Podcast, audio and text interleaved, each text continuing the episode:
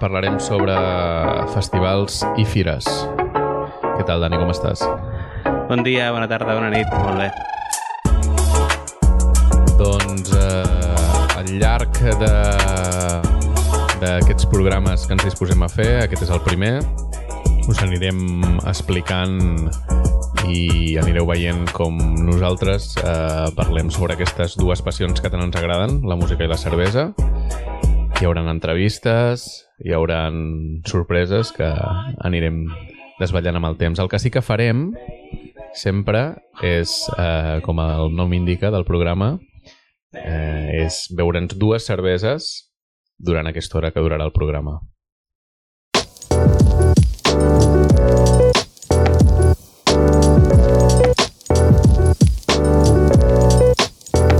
Què bevem avui? Què bevem avui, Dani?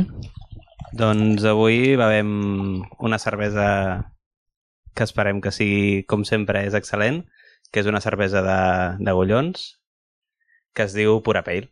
Té bon color, eh? No, no ha sortit malament aquesta. Vinga, salut. Salut. Oh, que bona. No falla, eh? No falla. doncs, uh, parlant d'agullons, no? Què és agullons? Per la gent que no ho sàpiga i que ens pugui estar escoltant.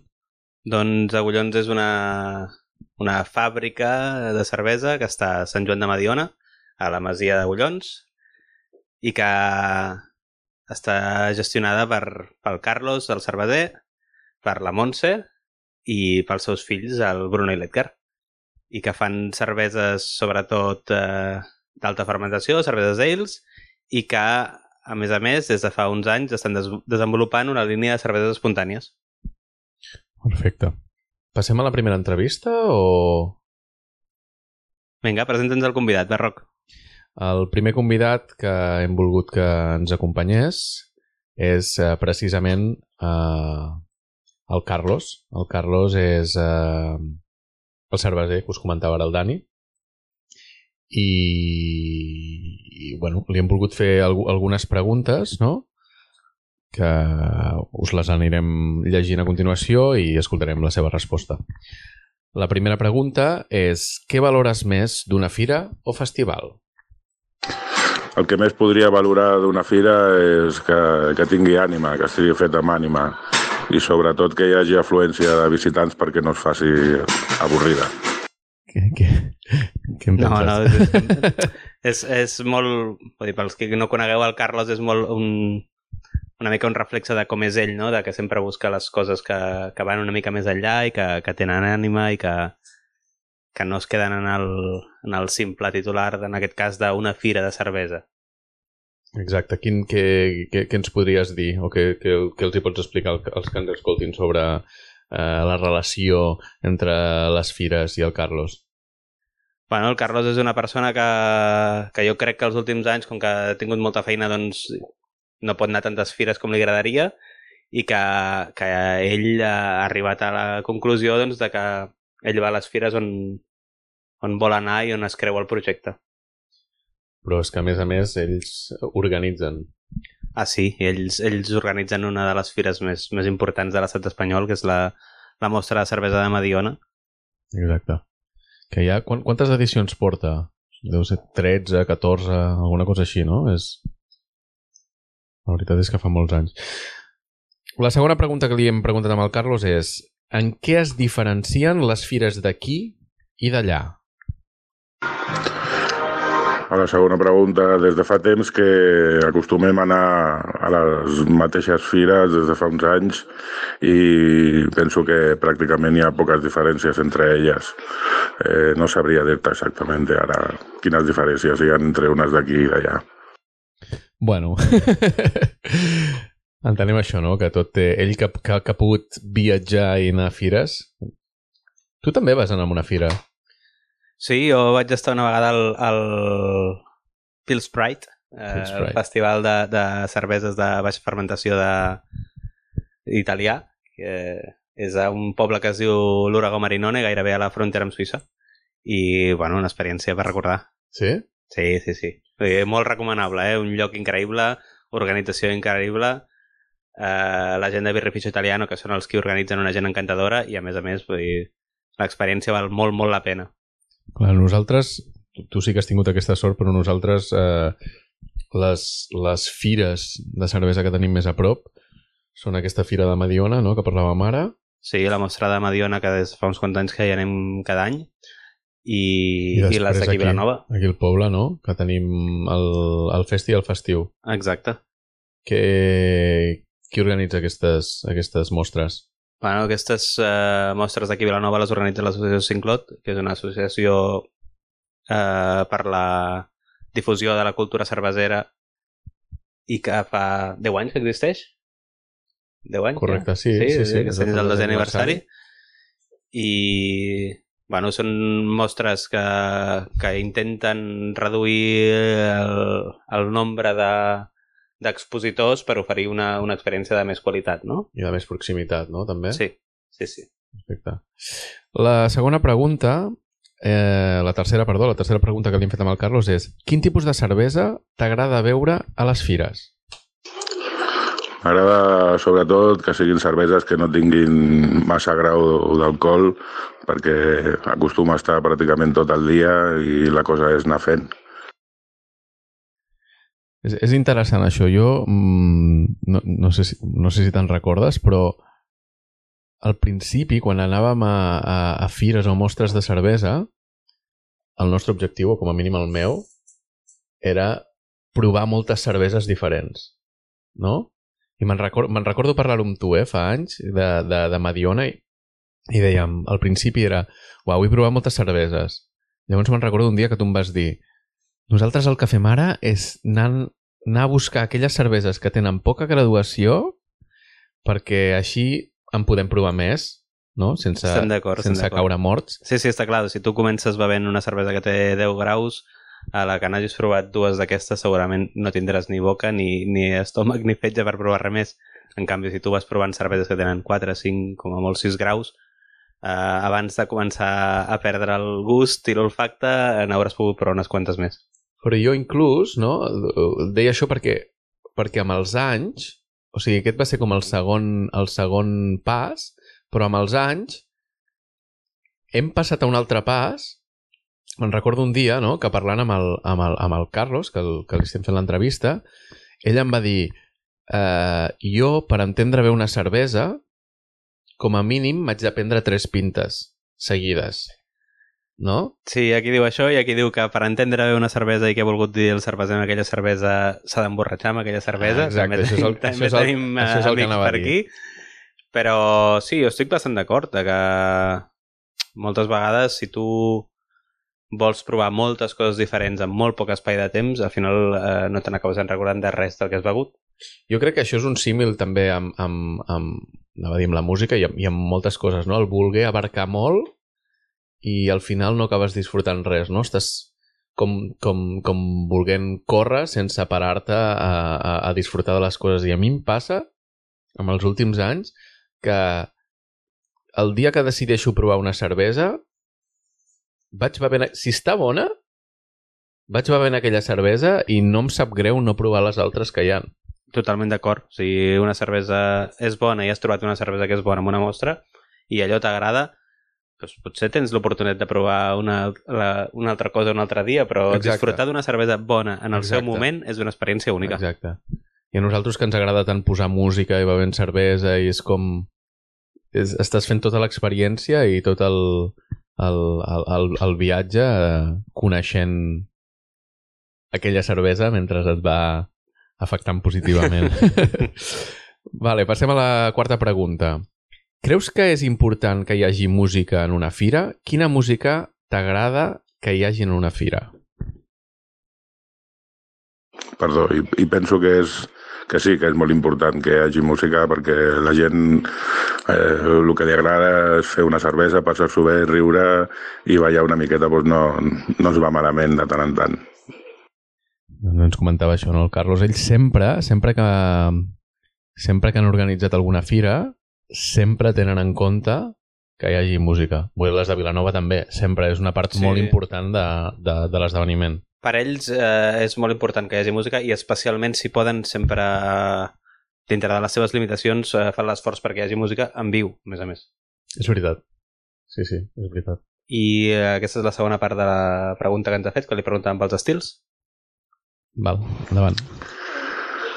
A les fires de cervesa jo crec que ja eh, no, no pots centrar-te només en un tipus de música, sinó...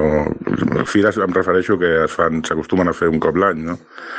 Penso que hi ha d'haver una rotació d'estils musicals perquè normalment doncs, vindrà molta gent que no, a no tothom li agradarà el mateix tipus de música. És veritat.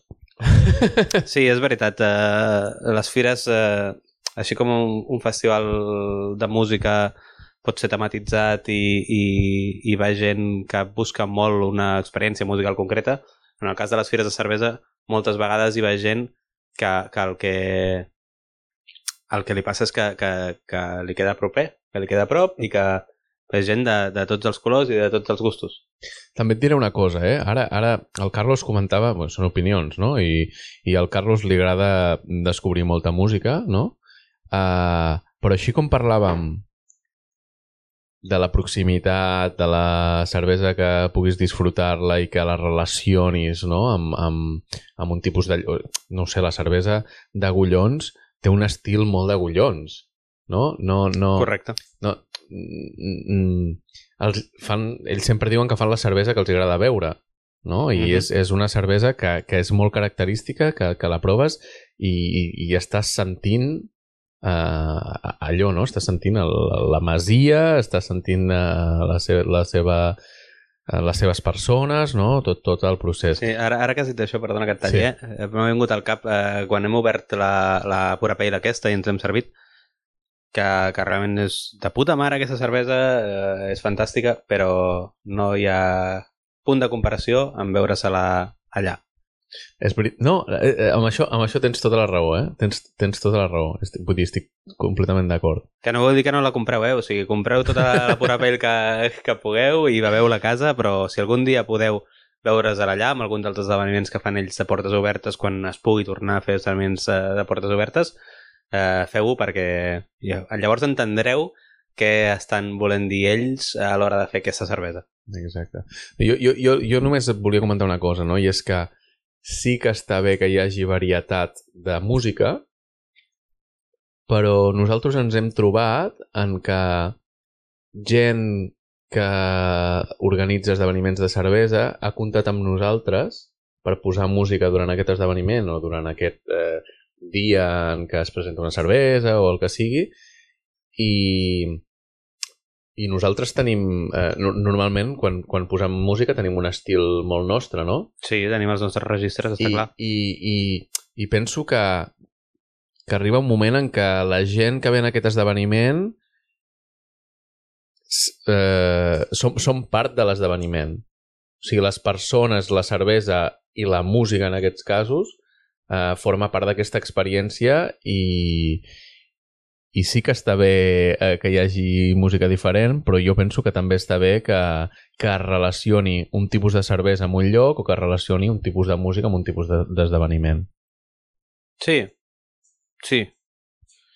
Digues, digues, si no sí, estàs d'acord. No, no, no, eh, ja estic d'acord i no, jo, jo entenc que, que l'experiència de, de, de, imagina't, no? Vull dir, que a una persona no li agrada gens la salsa. Uh -huh. I un dia va a un festival sí. que no és un festival de salsa, però tota la nit hi ha gent punxant música salsa. Sí.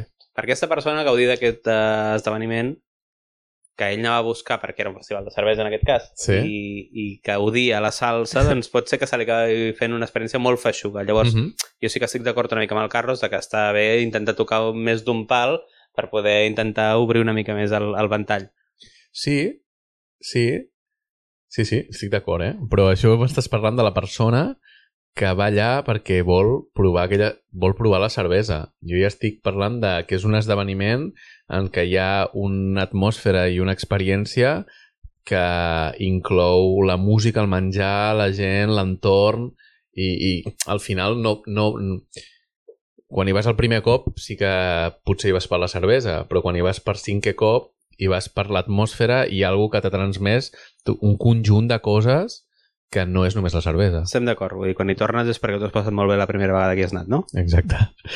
Vale, passem a la cinquena pregunta.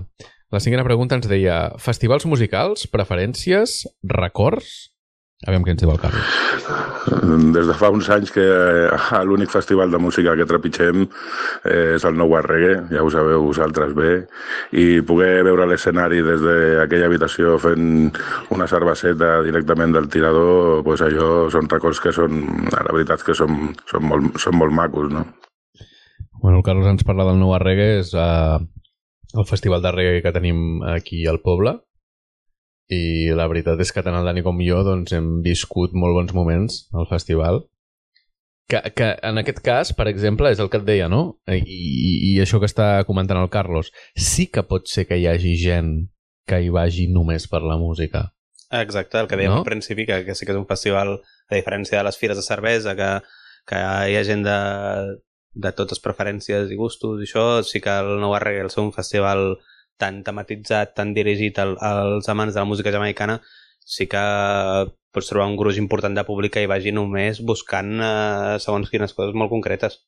I, però el, el que dic és això, no? O sigui, vas buscant això, però després el que et trobes i el que vius és pues, el tirador de cervesa artesana, el...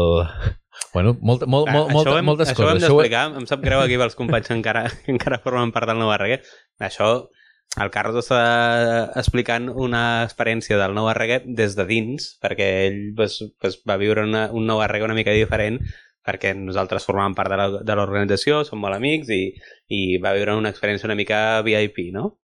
És cert, és cert, però el que volia dir és que hi ha moltes, moltes altres coses no?, que influeixen en que tu passis molt bé en un, en un lloc i en un esdeveniment, no? Correcte, correcte. Al final, eh, els festivals són, són experiències i d'allà tu et quedes amb un record que és el que et marcarà, que serà una frase que tu tens al cap de oh, aquell lloc m'ho vaig passar molt bé per tal, tal i tal. Exacte. Vale, passem a la última pregunta que li hem fet amb el Carlos, uh, que és què has escoltat darrerament mentre prenies cervesa? Aviam què ens diu el Carlos. Doncs l'últim que he escoltat va ser dissabte i vaig estar escoltant tota la tarda el Fèlix, que és un noi que és un showman, que porta una guitarra, eh, no serà el millor artista del món, però fa passar una bona estona i la veritat és que s'agraeix que vingui per aquí. Perfecte. Big up, Fèlix. Ja ens, ens coneixem i sí, sí, a vegades eh, tenir la possibilitat de d'estar allà doncs, escoltant un artista en primera persona, que segur que imagino que era un petit comitè i això, ho fa molt més gran que si tinguessis a, l'artista més gran amb un festival molt més gran, no? Exacte. Gràcies, Carlos, per aquestes paraules i respostes. Una abraçada des d'aquí.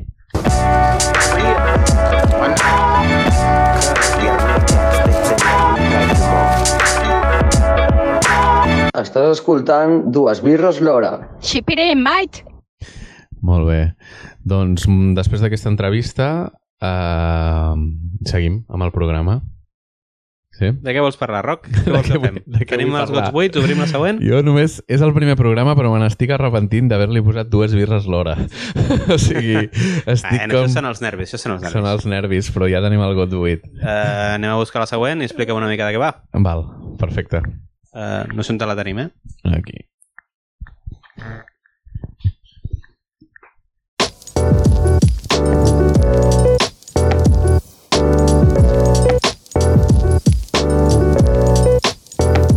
Què bevem avui?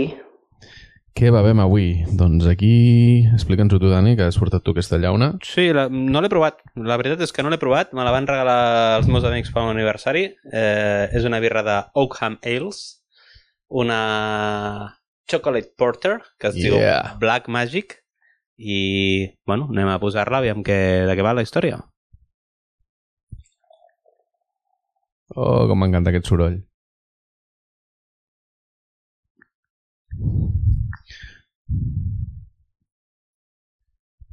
I yeah, quina espuma, m'encanta. Nosaltres, això, l'espuma t'agrada o no? A mi m'encanta l'espuma. A mi m'agrada el màxim un dit de crema quan, quan ha baixat. A mi m'agrada molt l'espuma, sí, sí. m'agrada l'espuma, eh, inclús eh, tema cappuccino, eh? M'agrada, si pogués, amb cullereta. Jo treballava en un lloc que que ens la feien treure. No, no, la cervesa ha de tenir escuma, sempre. No, que no us enganyin, eh? Com, com ens han estat enganyant tota la vida, eh? Quan et serveixen una canya sense escuma, t'estan esgarreant la cervesa. Per molt que sigui la cervesa més dolenta del món, ha de tenir crema, ha de tenir escuma, perquè l'escuma evita que se se'n vagi el gas. Vale, perfecte. I ara, si et sembla bé, sí? Bueno, la tastem o què fem? Què La, fem? la, tas la tastem i passem al següent, correcte. Salut. Uh, salut.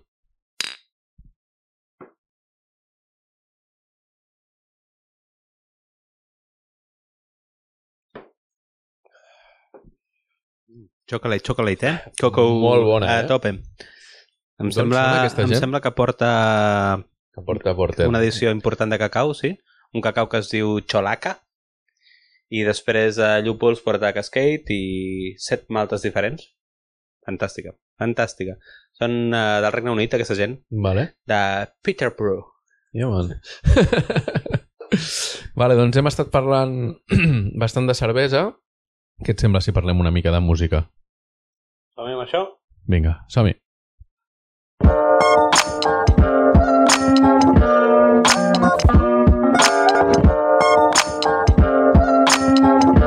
Què has escoltat aquesta setmana? Yeah, què has escoltat aquesta setmana, Dani? Mira, espera que, que obro la llibreta, eh? Vens amb els deures fets, eh? Sí, Molt sí, bé, sí, bé, hem fet bé. la feina. Op, op. El primer hem fet la feina. Mira, jo primer et vull recomanar que escoltis una gent que a mi m'ha cridat molt l'atenció perquè em sembla un, com es diu allò en castellà, un soplo d'aire fresco. Ja, en el món aquest uh, urban perquè és bastant en clau de reggae, vale. bastant en clau de diguéssim de l'escena aquesta més de- d'app digital eh, Bueno, per qui, no, per qui no ho sàpiga, amb el Dani a mi ens agrada molt el reggae. sí, sí, a vegades si ens passem de, de, De pesat. de tècnics i ens ho podreu per les xarxes socials de eh, menos reggae, más salsa. Exacte. Uh, doncs una gent que és de, de Navarra que es diu Chill Mafia Uh -huh. que ha tret un disc, aviam si no m'enganxo la llengua llegint el títol de, del disc, que es diu Ezorregatic ex Verpizkendea. Yeah. Vale? Jo- que això jo- vol dir algo així com un renaixement pel deute. No sé d'on ve l'expressió, tampoc he, he rascat més, perquè la majoria de lletres són en euskera, Potser, així que... Però... si tu has inventat, No, colarà, eh?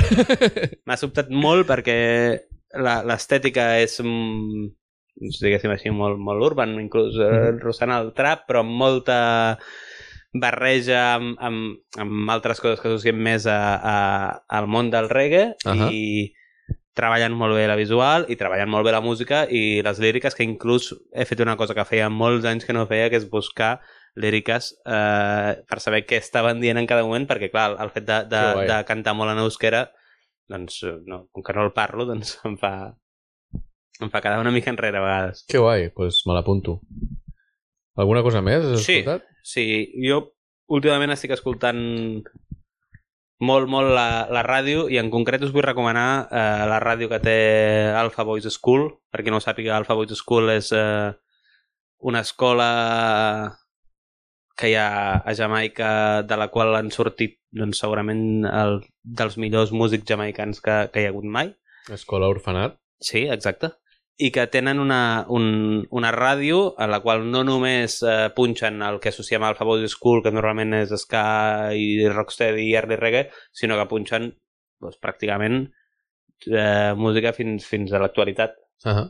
I hi ha moltes vegades... Jo, Tot en clau jamaicana. tot en clau, gairebé tot en clau jamaicana. Vale. Després hi ha, hi ha algun programa que, que toca més al sul i, i gospel i companyia, que sabem que, que i l'R&B clàssic, que, que Jamaica té molta, molta acceptació això i que per, per la gent gran doncs, és molt important sentir aquest tipus de música a la ràdio, però a mi el que em flipa moltes vegades és la, la selecció de temes, de, de segells que a vegades et penses que ho saps tot i dius, ostres, però això aquest, aquest take d'aquí és, d'aquí és Ja. aquesta gravació, de, no sabia que... No sa... I això, molt, molt recomanable. Molt bé, molt bé. Jo he estat escoltant eh, l'altre dia que comentàvem no? L'àlbum aquest eh, nou del Madlib que, Va. que als, Va. als dos ens ha agradat molt. No? És, és un àlbum que Madlib és un productor eh, americà, nord-americà, no? Et tallo, et faig una frase, eh? Sí. és un àlbum que aniria molt bé amb aquesta cervesa. La, la si canta... trobeu la cervesa que estem bevent, la Black Magic uh, Chocolate Porter de Oakham, uh, crec que mariden, però... M'agrada el que dius. doncs això, Madlib és un, és un productor... Eh, està molt vinculat al món del hip-hop, però és una persona que, es, que consumeix molta música, que, que és un gran col·leccionista de, de discs, eh, ha produït a gent com J. Dilla, com MF Doom, com uh, Freddie Gibbs, uh, ha cantat... Bueno, és, és, és una persona molt, molt polifacètica No i te que, l'acabes, no te i, i que sem sempre tot el que fa uh, és bastant fresc. I en aquesta ocasió és un àlbum que portava bastants anys preparant, un, un àlbum eh, solo, no? un àlbum d'ell sol, eh, firmat eh, Mhm. com, com, com que ell és l'artista principal, i en aquest cas qui ha fet tota la producció no? i qui ha fet tot el, el, els arranjaments ha sigut uh, Fortet, que Fortet és un, és un, és un gran artista Geni. Geni. d'un també gran col·leccionista de vinils i gran consumidor de música eh, d'un món totalment diferent, no? que és eh, més electrònic, més... i en aquest cas s'han ajuntat i, i és super interessant el, el, el No, una, una, una feina increïble i a mi ara m'agradaria veure la tornada. Ara m'agradaria veure uh, Madlib produint un àlbum de Fortet. Oh, Això... Eh, Wet dream, wet dream. bueno, com que, com que ens estan escoltant, eh, que, que prenguin nota. Uh, sí, després he estat escoltant un altre àlbum també que no vull dir quin és perquè és un àlbum que ens recomana el segon entrevistat però com que jo vaig sentir les respostes doncs eh, doncs l'he escoltat amb repeat i, i bueno, és un àlbum que, que ja coneixia i que tenia eh, a l'arxiu però després quan ens, quan, quan ens el comenti eh, quan ens el comenti doncs, doncs ja en parlem una mica més si voleu doncs si us sembla bé que, que passem a la següent entrevista a la següent entrevista intentarem a cada programa tenir dos, dos entrevistats o entrevistades Sí, la nostra idea és que, que un sigui del món de la cervesa i l'altre del món de la música. Exacte, i intentar eh, això, que, que, que cada programa serà una mica temàtic, el d'avui és sobre festivals i fires. Sí, sobre el concepte de directe, no? De, de, Ah, això. això. de, això, el cerveser, per mi el cerveser, el seu directe, és quan té contacte amb el seu públic, que és doncs, això el moment de, dels festivals i de les fires. I el músic, òbviament, sabem tots quin és el seu directe. Vale, doncs eh, passem a la següent secció.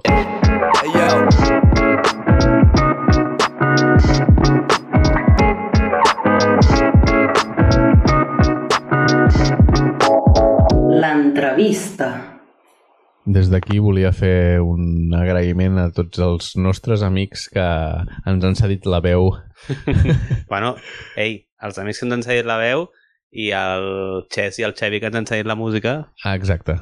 Això ho havíem de dir, eh? O sigui, aquí, aquest programa, aquí ens sentiu, eh, som nosaltres dos, però hi ha molta gent que ens està ajudant a tirar aquest eh, projecte endavant. El Xes és el, el gran productor que ens ha fet les cançons aquestes de, de la sintonia. Després eh, n'hi ha una al final també que també l'ha fet ell. El Xevi ens ha cedit aquestes, cançó, aquestes cançons gràcies també a Propaganda pel fet que, que, que ens ha deixat posar aquestes cançons. i no ens deixem a la tercera pota del podcast, el Robin, eh? Això, això anava a dir, el Robin, eh, que és l'artífec de moltes de les coses que fem eh, eh, en clau de naming, en clau de... de Gràfica, xarxes, estratègies comunicatives, sí, Exacte, sí. Això, exacte. Va. Si alguna us agrada, Li dieu amb ell. vale, doncs uh, busco les preguntes. jo vaig presentant el, el convidat, et sembla? Perfecte. que és, uh, és l'Alejo Peloche, que és un trombonista, bateria, un músic vinculadíssim a l'escena clàssica jamaicana catalana. Uh, un jefazo com a músic i com a productor i un encant de persona. Anava a dir, o sigui, és molt bon músic, és, uh, ja veureu amant de la cervesa, i és millor persona. O sigui, és una persona increïble i, i, i amb un coneixement musical que flipes. O sigui, jo, Mm, com més sí, el sí. conec, més flipo. En sap molt. Té O molta, sigui, me'n- molta me'n- cultura. Me'n recordo un dia eh, parlant amb, quan es podien fer festes al carrer, eh, els hi vaig deixar una, una pregunta amb ell i el Figue, que és un altre monstru de la música, i els dos parlant-me d'unes coses que, que, que, bueno, que Sí, sí, estem una mica enrere, Sí, estem, sí, una, estem saben, una mica saben. enrere. En sap. Vale, doncs passem a la primera pregunta que li vam fer a l'Alejo. Sí, que li hem fet a l'Alejo. Li hem preguntat com és viure un festival des de dalt de l'escenari? Primer de tot, salutacions a tota aquesta gent que estigui escoltant el podcast i en especial a vosaltres dos, en Roc i en Dani. Bangaran is a must, you know.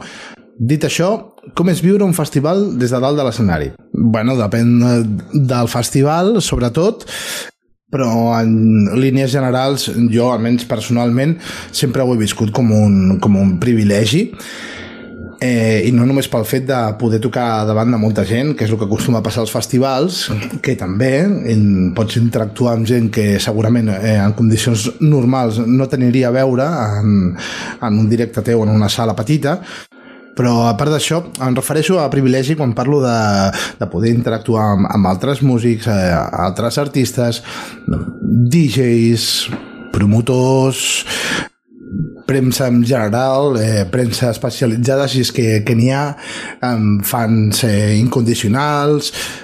Jo, personalment, eh, i en general, sempre ho he viscut com, com una gran família. Està guai això que diu, està guai, però jo recalcaria que aquesta última frase, una gran família, penso que està molt relacionat al fet de que sigui el món del reggae.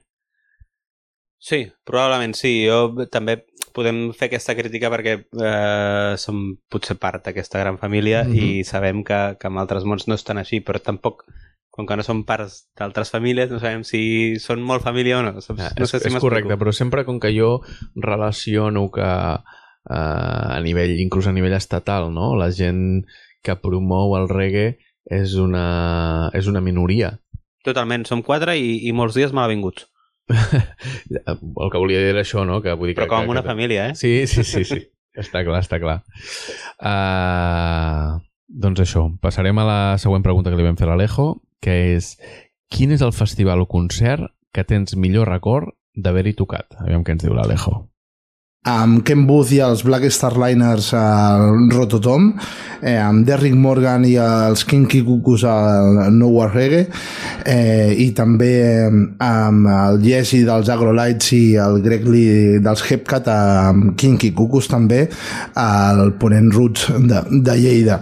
Sempre, sempre ben acompanyat, la veritat. Eh, sempre els, els millors records eh, són en família. Per part meva em sembla que dos de tres, eh? Què vols dir? Que dos de tres que has vist? O... Exacte. que he vist dos d'aquests tres bolos que, que esmenta I, i el els dos que he vist jo, Ah. pa, Dos de tres, sí, dos de tres. El del Ken Boot i el de, i el de, de Rick Morgan. Sí? Tam També és veritat sí, sí, que... el mateix, el mateix. També és veritat que aquí al Nova Reggae vam tenir la sort del bolo que no hem vist, que ha dit. Vam veure, uh, un any vam veure els Agrolights Sí, i un any vam veure uh, sí, el Greg i l'Àlex el de Greg, Hepcat. el Greg Lee i l'Alex Desert de, de Hepcat que, que segurament no sé si l'Alejo tocava amb el concert de... No, l'Alejo potser no tocava. el L'Alejo tocava, sí, sí, 100% era uh, Greg Lee, Alex Desert, uh, backed by Kinky Cuckoos. Vale, perfecte. Sí, sí, ell de Kinky Cuckoos és... 100%. No, no ho direm així perquè Kinky Cuckoos són molts, no sé si són 10 o 12 o els que siguin, però és una part vital dels Kinky Cuckoos. Que guai, eh? O sigui, com, com mola després dels anys que algú et, et, et, et recordi uh, aquests moments. Jo, jo és que mentre està parlant, me- mentre està explicant aquestes coses, m'estic uh, en recordant de la sensació d'anar amb xancletes i que em toqui el sol a la pell mentre estan fent Estiu, proves estiu. de so uh, un grup que que ha viatjat de l'altra punta del món i, i que està content d'estar aquí i que surt el cantant amb, amb, amb la bufanda del Barça, no sé, és com... com, Sí, com... sí.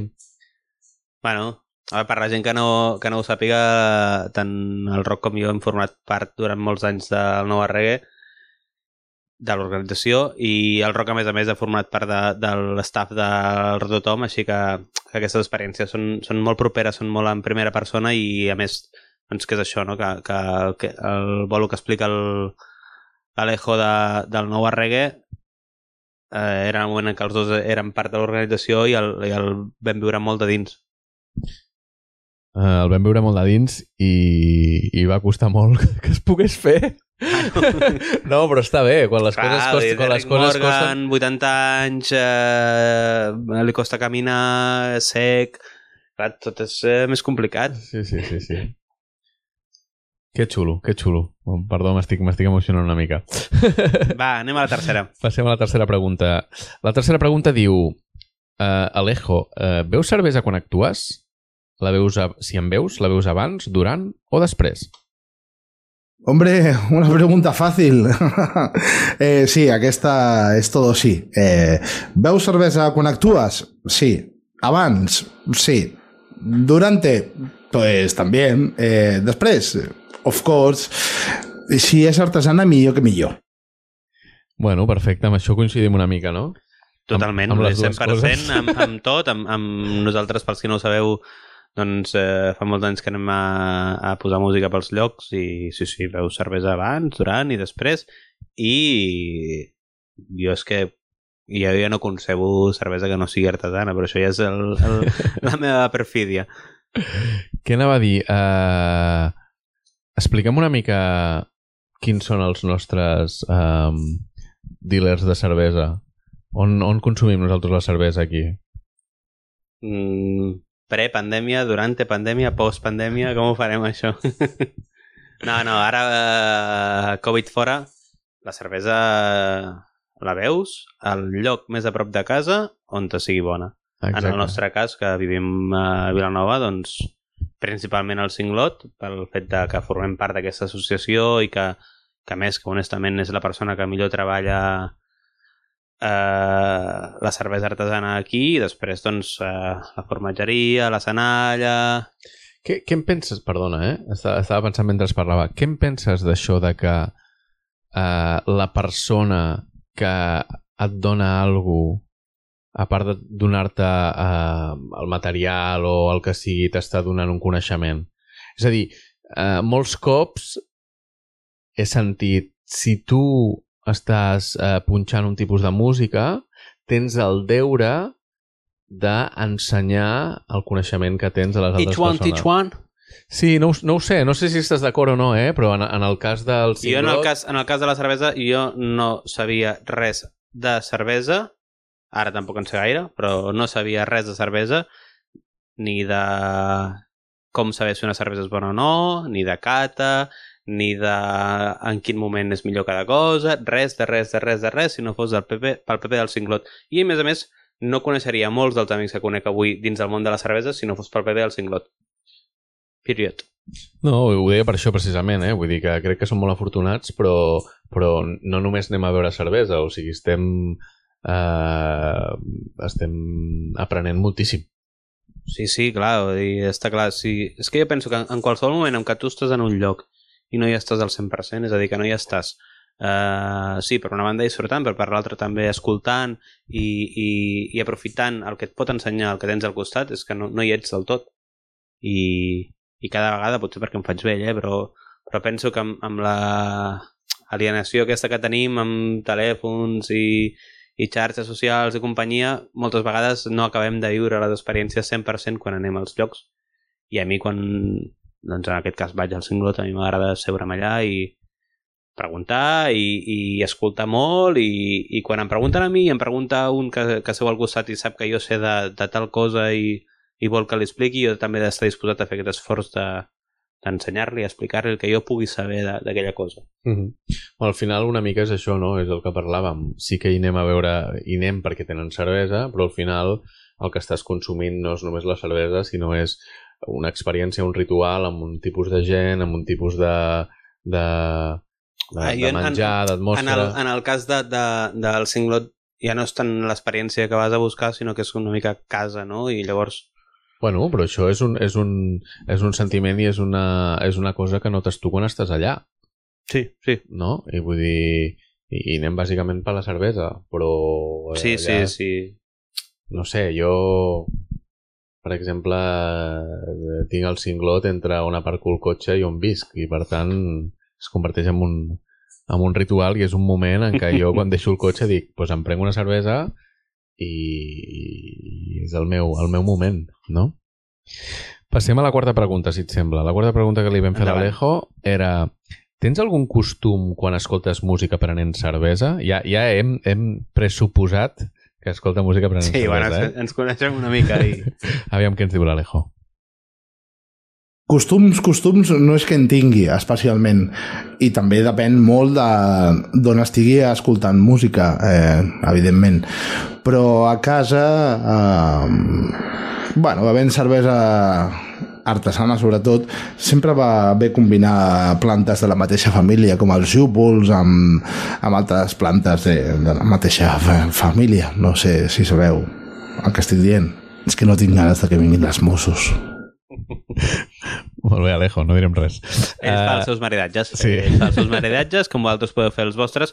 Aquest Ok. que us recomana ell, eh, per la gent que, que encara fuma, doncs diuen que va bé.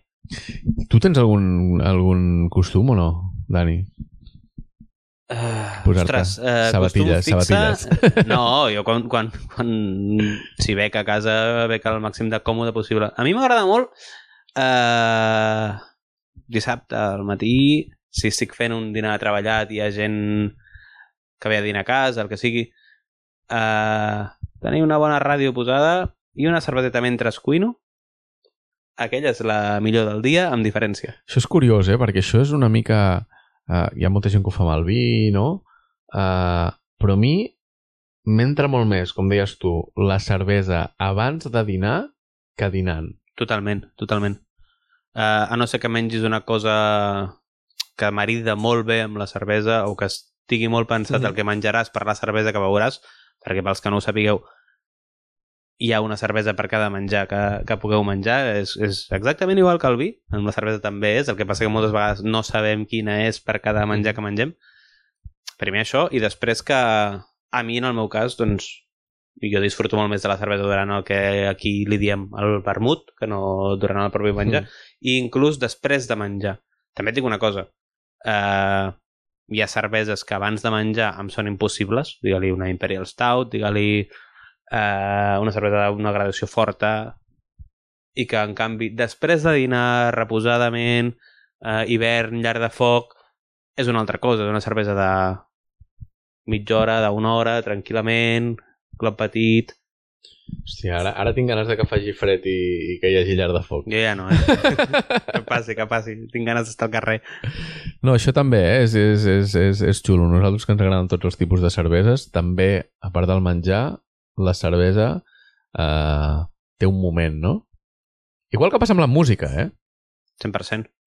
100%. Jo a vegades... Eh, i jo ja us dic que sóc una persona molt, molt de ràdio i a vegades eh, m'agrada molt escoltar ràdios de fora i una, una emissora que, que, que escolto més la, és la, que escolto molt és la BBC One Extra i jo quan eh, al matí poso BBC One Extra i hi ha eh, jo què sé un tema de dancehall hardcore i són les set i mitja del matí Uh -huh. A vegades dic no, no, no, ara no O això és Ara perquè no. allà a Anglaterra se'n van al gimnàs a aquesta hora. Eh? Sí, sí, ja, ja, jo ho entenc, eh? però jo a aquesta hora no m'encaixa, no m'encaixa. Jo sóc una persona que es desperta a poc a poc i no m'encaixa a quarts de vuit del matí estar escoltant doncs, el Movado eh, com una cabra eh, amb un ritme de, de 140 BPM. No, no m'encaixa aquella hora. Necessito un despertar més suau. Eh, Ara, ara que dèiem això de que, de que cada cervesa té un moment i de, i de que cada música té un moment també, mm, ja ho lliguem una mica, no? Cada cervesa té una música, no? Sí, hi ha cerveses que sí, que, que, que jo les associo... El, que, el, el tall aquest que he fet, no? A mi m'ha vingut al cap la cervesa que estava bevent, que anava molt bé amb el, amb el disc eh, que recomanava el rock de, del Madlib, sí. Però tampoc m'he trobat mai amb cap cervesa que digui ui, això no pot anar gens bé amb... No, no, no, no dic, que, no dic que vagi malament. Dic que a vegades, escoltant una música, dius em ve més de gust aquesta cervesa o em ve més de Sí, gust aquesta sí. altra cervesa. De fet, és l'última pregunta que li hem fet a l'Alejo, que diu quin disc i amb quina birra en recomanaries degustar? recomanar el que es diu recomanar eh, no vull recomanar res a ningú perquè em sembla molt vanidós però dit això eh, què tal un disc de Linton Casey Johnson qualsevol seu eh? eh, són tots una meravella jo que sé, el, el Base Culture eh, amb una Stout o amb una Imperial Stout mm, jo lo veo, lo veo una IPA, jo me la fotria amb qualsevol disc dels Upsetters. Uh, allà amb Lee Perry fent de les seves. És un relajante al 100%, recomanable, i sobretot en aquests temps que corren. I jo que sé, ja per dir alguna més així eh, random, una Leisure mm, amb un disc dels Amics de les Arts. Salut! Moltes gràcies, Alejo. No, no he entès massa aquesta, aquesta última reflexió dels amics de les arts, però això ja sabeu quina cervesa paga el Barça i aquestes coses, jo crec que anava una mica per aquí la història, no? Uh, aquest, volia dir això, eh, uh, abans que m'he tallat. Uh, a l'escoltar l'Alejo quan li vam fer aquestes preguntes, tota aquesta setmana i la passada he estat escoltant el disco de Bass Culture de Lyndon Quincy Johnson sense parar, amb repeat, i a més a més és un disc que dura mitja hora. O sigui, és... I he descobert una cançó que ja havia escoltat, però i que no era de les meves preferides del disc, que es diu Lo- Lorraine. Brutal. Lorraine com, com la de Laurel Lightken? No ho sé. Laurel Lightken, Bad Manners... No ho sé. No sé si és la és mateixa. que Ho no la tinc al cap, eh? La, la, la Lorraine del, del Lyndon Quincy Johnson no la tinc al cap.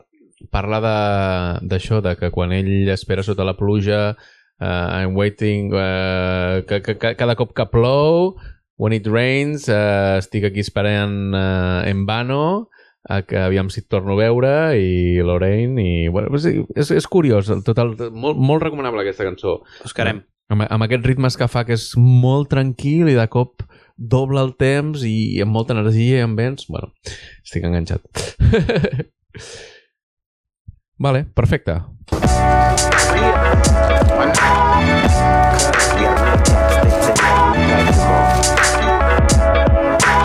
Estàs escoltant dues birres l'hora.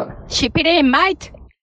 Jo et volia fer una pregunta, que és una, una cosa que, que és una mica metamúsica, meta, una mica més enllà, no? De, que em ve al cap últimament és que no sé si t'ha passat mai de que escoltes una cosa que per tu és nova, és la primera vegada que l'escoltes, Mm -hmm. i no saps si t'està repugnant, o sigui, si l'estàs odiant no és la paraula, però si t'està fent una d'això, o t'està tornant boig. O sigui, t'està encantant. Sí, sí que m'ha passat. M'ha passat... Uh, sí que m'ha passat, i tant. I tant. Em va passar el primer cop que vaig escoltar Purgang, em va passar... Oh, jo no va dir Young Beef. Young Beef. Sí. Jo no va dir Young Beef. La primera vegada eh, que vaig sentir uh, Young Beef, me pots una tijera en el cuello. Sí. Eh, jo aquella vegada Sí. és, eh, no sabia si allò m'estava flipant o, o m'estava fent molta Sí. agonia. Al final vaig decidir que m'estava flipant. I la, bueno, l'altre dia ho parlàvem, no? I tu em vas dir que no t'havia cridat tant l'atenció a l'últim disco del Zetangana. Uh, a, a, a mi amb ell m'ha passat també. A mi no m'ha agradat gens l'últim disc de, Bueno. de Tan Ganes. Penso que, que no sóc el seu públic, llavors pues, endavant. Però no, no, no. Però a mi, a mi, a mi amb aquest tipus d'artistes és, el, és el que em produeix aquesta aquesta mm, sentiment que dius. M'ha passat també amb algun, amb algun artista, no estem, no estem, o jo no estic molt acostumat a, a escoltar coses que m'agradin eh, cada cop n'hi ha més, però abans coses en català em passava. I hi ha alguns artistes que, que potser al principi, com que he escoltat moltes coses en català que no m'agraden, o que ja, no, o ja que no em un, convencen un prou, prejudici. fas un prejudici que després, si l'escoltes més, uh, no ho sé, aquest el, el... Estic molt flipat últimament amb el, amb el, amb el Pau Vallvé. Uh -huh. Vaig tenir la sort de veure un dia en, en concert aquí amb la Maria Coma aquí a l'auditori i m'agrada molt el que fa. M'agrada moltíssim. En canvi, hi ha altres artistes... No, hi ha, hi ha gent que, que en català treballa coses a nivell increïble. A mi em Sí. flipa Ferran Palau, per exemple. Jo penso que és un Brut- tio que treballa... Brutal Ferran Palau, el disco aquest que ha fet. Però després també penso que, que això és una altra cosa que, que potser no és el moment ni la manera i potser farem el primer i l'últim programa després de que s'emeti això, però penso que, que, que a vegades estem en un tu, eh? moment... Dit sí, tu, sí, ho estic dient. Jo, jo, jo em faig responsable d'això. Estem en un moment en què toca que tots sapiguem de i toca que tots eh, puguem opinar de i que més toca tots que diguem que tal cosa és superguai. Uh -huh. I a mi m'ha passat de, de... Sobretot, doncs això, no? Si segueixes una mica eh, el mídia local d'aquí, de, doncs, que hi ha el que hi ha, no? Hi ha eh, Rock, Radio 3, ICAT, eh, algo de, de les generalistes de la Corpo, i per de comptar, això és la, la crítica musical que hi ha ara mateix a Catalunya, Uh -huh. i cada cop i volta tothom comença a cantar-li odes a un producte Uh -huh. que resulta que o li cau bé o o són amics o vés a saber per quina raó o perquè els ha semblat bé eh? Uh -huh. i llavors aquesta gent com que pretén marcar la tendència a les xarxes i resulta que, que el que és guai en aquell moment és dir lo guai que és aquest projecte o aquest producte o aquest disc o aquest... I a mi m'ha passat últimament més d'una vegada tampoc posaré noms aquí sobre la taula perquè crec que no és necessari, eh? però de, música catalana de que penso ostres, però realment us heu parat d'escoltar bé això o ho esteu dient perquè tal crític eh, que és molt guai eh, està dient que és, que és el que s'ha de dir -huh. o perquè el vostre amic d'Instagram està dient que és el que s'ha de dir. Bueno, això crec que amb els temps que corren eh, cada cop tirem més cap aquí, no? Eh, el tema d'influenciar l'altra gent. Eh, L'altre dia veia un, un, un escrit que posava eh, és millor la, el que sents a la vida, o sigui, és a dir, posava uh, is better what, what you what you life feels that, than you life likes, no? O sigui, al final estem aparentant una cosa que no ho estem sentint, no? O sigui, la gent vol, vol, vol tenir un, un, una forma i un shape i, un, i, un, i, un, i una manera de ser que no és realment el que està sentint aquesta Però persona. això, vull dir, ja, ja ho deixarem per un dia que ens dediquem a un podcast de, de filosofia i, Sí. i si vols ho matem aquí perquè és, és bastant complex, però eh, ha de ser molt frustrant, eh? Ja, ha de ser molt frustrant generar-te unes expectatives de que tu ets eh, tal o pasqual i que jo també contribueixo a la corrent d'opinió i després algun dia te n'acabes adonant de que doncs no, no, no és així amiga o amic no és així és cert. Bueno, jo tornant una mica al que dèiem abans de- d'això de, del agradar o odiar a, a, a primera escolta Sí? Mira, jo t'ho explicaré, us posaré en situació una cosa que ara, ara la puc reconèixer perquè ja, ja sóc més gran, però que sempre m'ha fet molta vergonya. Jo la primera vegada que vaig escoltar el... crec que és el On the Beach de Paragons, Sí? a mi em va passar això. Que no et va agradar? Jo no sabia si allò ho estava odiant o ho estava estimant. Això queda I- gravat, eh? Queda No, no, gravat queda per la- gravat. Per la posteritat. Ara, ara us posarem context. O sigui, us posarem context d'un nen de 14 anys que el que escolta és eh, el que ell entén com ska, és a dir, third wave ska, i si pot ser en català o castellà millor perquè no d'això, i comença a escoltar oi. Llavors, que li posin un dels himnes del Rocksteady, eh, li trenca tots els, esque- els esquemes, i que Ahà. a més, en aquella època que ets tan influ influenciable, li estiguin dient que això és guai també, és, però si és com la música que podria escoltar el meu avi. Sí, sí, Però, sí. Alhora, que jo penso, el meu conscient pensa, és la música que podria escoltar el meu avi, el meu cor està dient, buah, Ja. Bueno, però, però això és això, no? Et, et vas fent gran i el paladar es va, es va acostumant a altres coses i ara disfrutes molt més de lo que, de lo que li agradaria al teu avi que de lo que escoltaves fa 10 anys. Sí, sí, Ja. però, però la zarzuela, que és el que li agrada a la meva àvia, no l'entendré mai. Saps bueno, de, de, depèn, no? Però- amb però el sí, meu sí, avi li entenc. agradaven les habaneres i l'Antonio Machín i l'Antonio Machín m'agrada molt i les habaneres no tant. Ah, bueno. exacte. Vale. Això... Ah, i, i dient això del, del pas del temps i de la perspectiva, i una cosa que, que per evitar aquesta història que dèiem una mica abans de, de seguir aquests corrents de- d'opinió que t'intoxiquen, un disc que en, en un moment tu has contribuït al seu hype dient uah, és que és superguapo, no sé Sí? què, agafa't tranquil·lament, te'l guardes, et fas una nota, un recordatori al calendari del mòbil i te l'escoltes un any després. I llavors m'ho dius. Si aquest disc ha quedat o no ha quedat. Que a vegades és una mica això, eh? Tenim eh, tant volum d'informació a gestionar Uh -huh. que, i, a dir, i a opinar de, de no, no, això és bo, això no, això no, no sé què. No, no. Agafa'l i al cap d'un any, quan ja no estiguin tots els fills de, de, de, de no sé qui opinant de si això és bo o no, Uh -huh. l'agafes, te'l tornes a escoltar i dius no, no, però si és que això era increïble. Ja. O, O no- dius, o no. o dius, no, no, és que una cosa que va ser... Eh, jo que sé, a mi em passa molt amb, amb la revista Pitchfork, eh? i amb ells sí que, que ningú s'enfadarà perquè digui res, Uh -huh. però ells cada any fan el seu top 100, no sé què, i tu agafes el seu top 100 de l'any 2015 i d'aquells discs que eren 100 discs, segurament, com a molt que n'han quedat 10, 15, i estem parlant de Pitchfork, que és un dels magazins en què en teoria saben més de crítica musical, Mhm. tal, però què ha quedat d'allò? Bueno, prenc nota, ja revisaré No, no, els, és- els és- rànquings de Pitchfork. No, no, però és una, una recomanació que, que, que Sí, sí, està bé. que jo està la recomano està bé, perquè està bé. prendre distància amb les coses i, Està clar. i, I no jutjar-les en calent, no? Quan tens tot allà la... Ah, quan tens tot el hype i tot el, el, el... Per una banda tens el hype de la gent que està dient tal, no sé què, per altra banda tens la campanya de, promo d'aquell Mhm. disc que fa que tot arreu estiguis veient aquell, la presentació d'aquell disc. Que a vegades acabes dient bueno, és que potser sóc jo que sóc tonto i no ho entenc. Ja, ja, ja. No, interessant. Provaré, provaré de fer-ho. uh, perfecte. Uh, per acabar, no? Mm, podríem explicar una mica tot el tema dels, dels, Sí. dels mixos? Sí, sí, sí.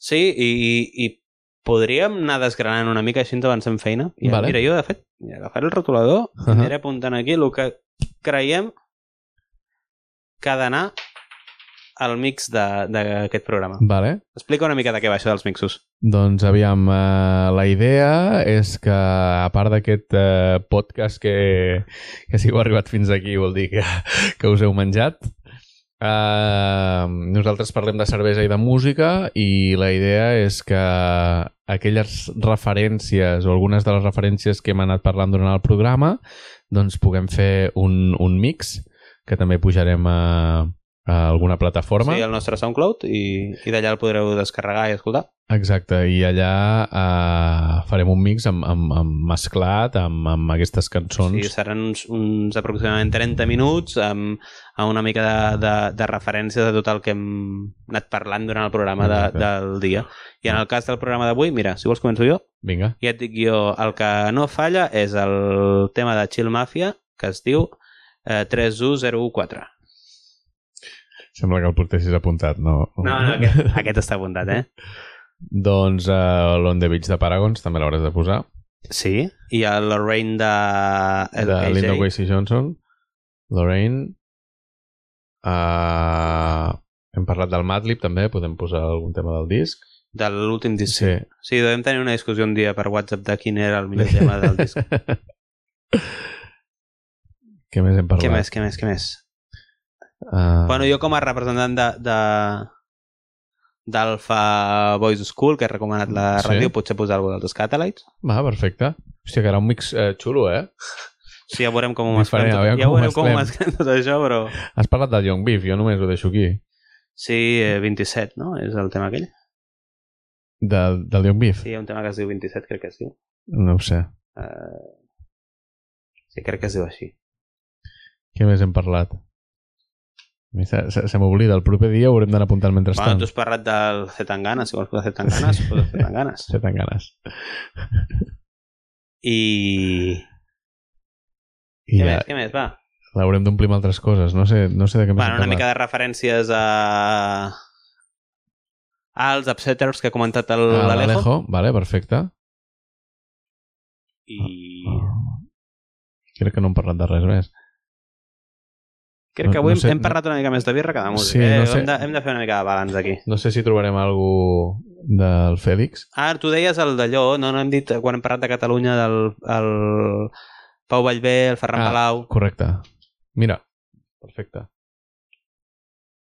Ara, a- ara entenc per què vam dir dos birres l'hora. Faran recordar-nos en el final del programa. Vale, perfecte. Doncs jo crec que ja sí que quedarà un mix xulo, eh? La veritat. Doncs ens despedim amb aquest primer programa. Sí? Yes. I ens veiem a la propera, ens sentim a la propera i esperem que us hagi agradat. Ens escoltem aviat. Que vagi bé. Salutacions.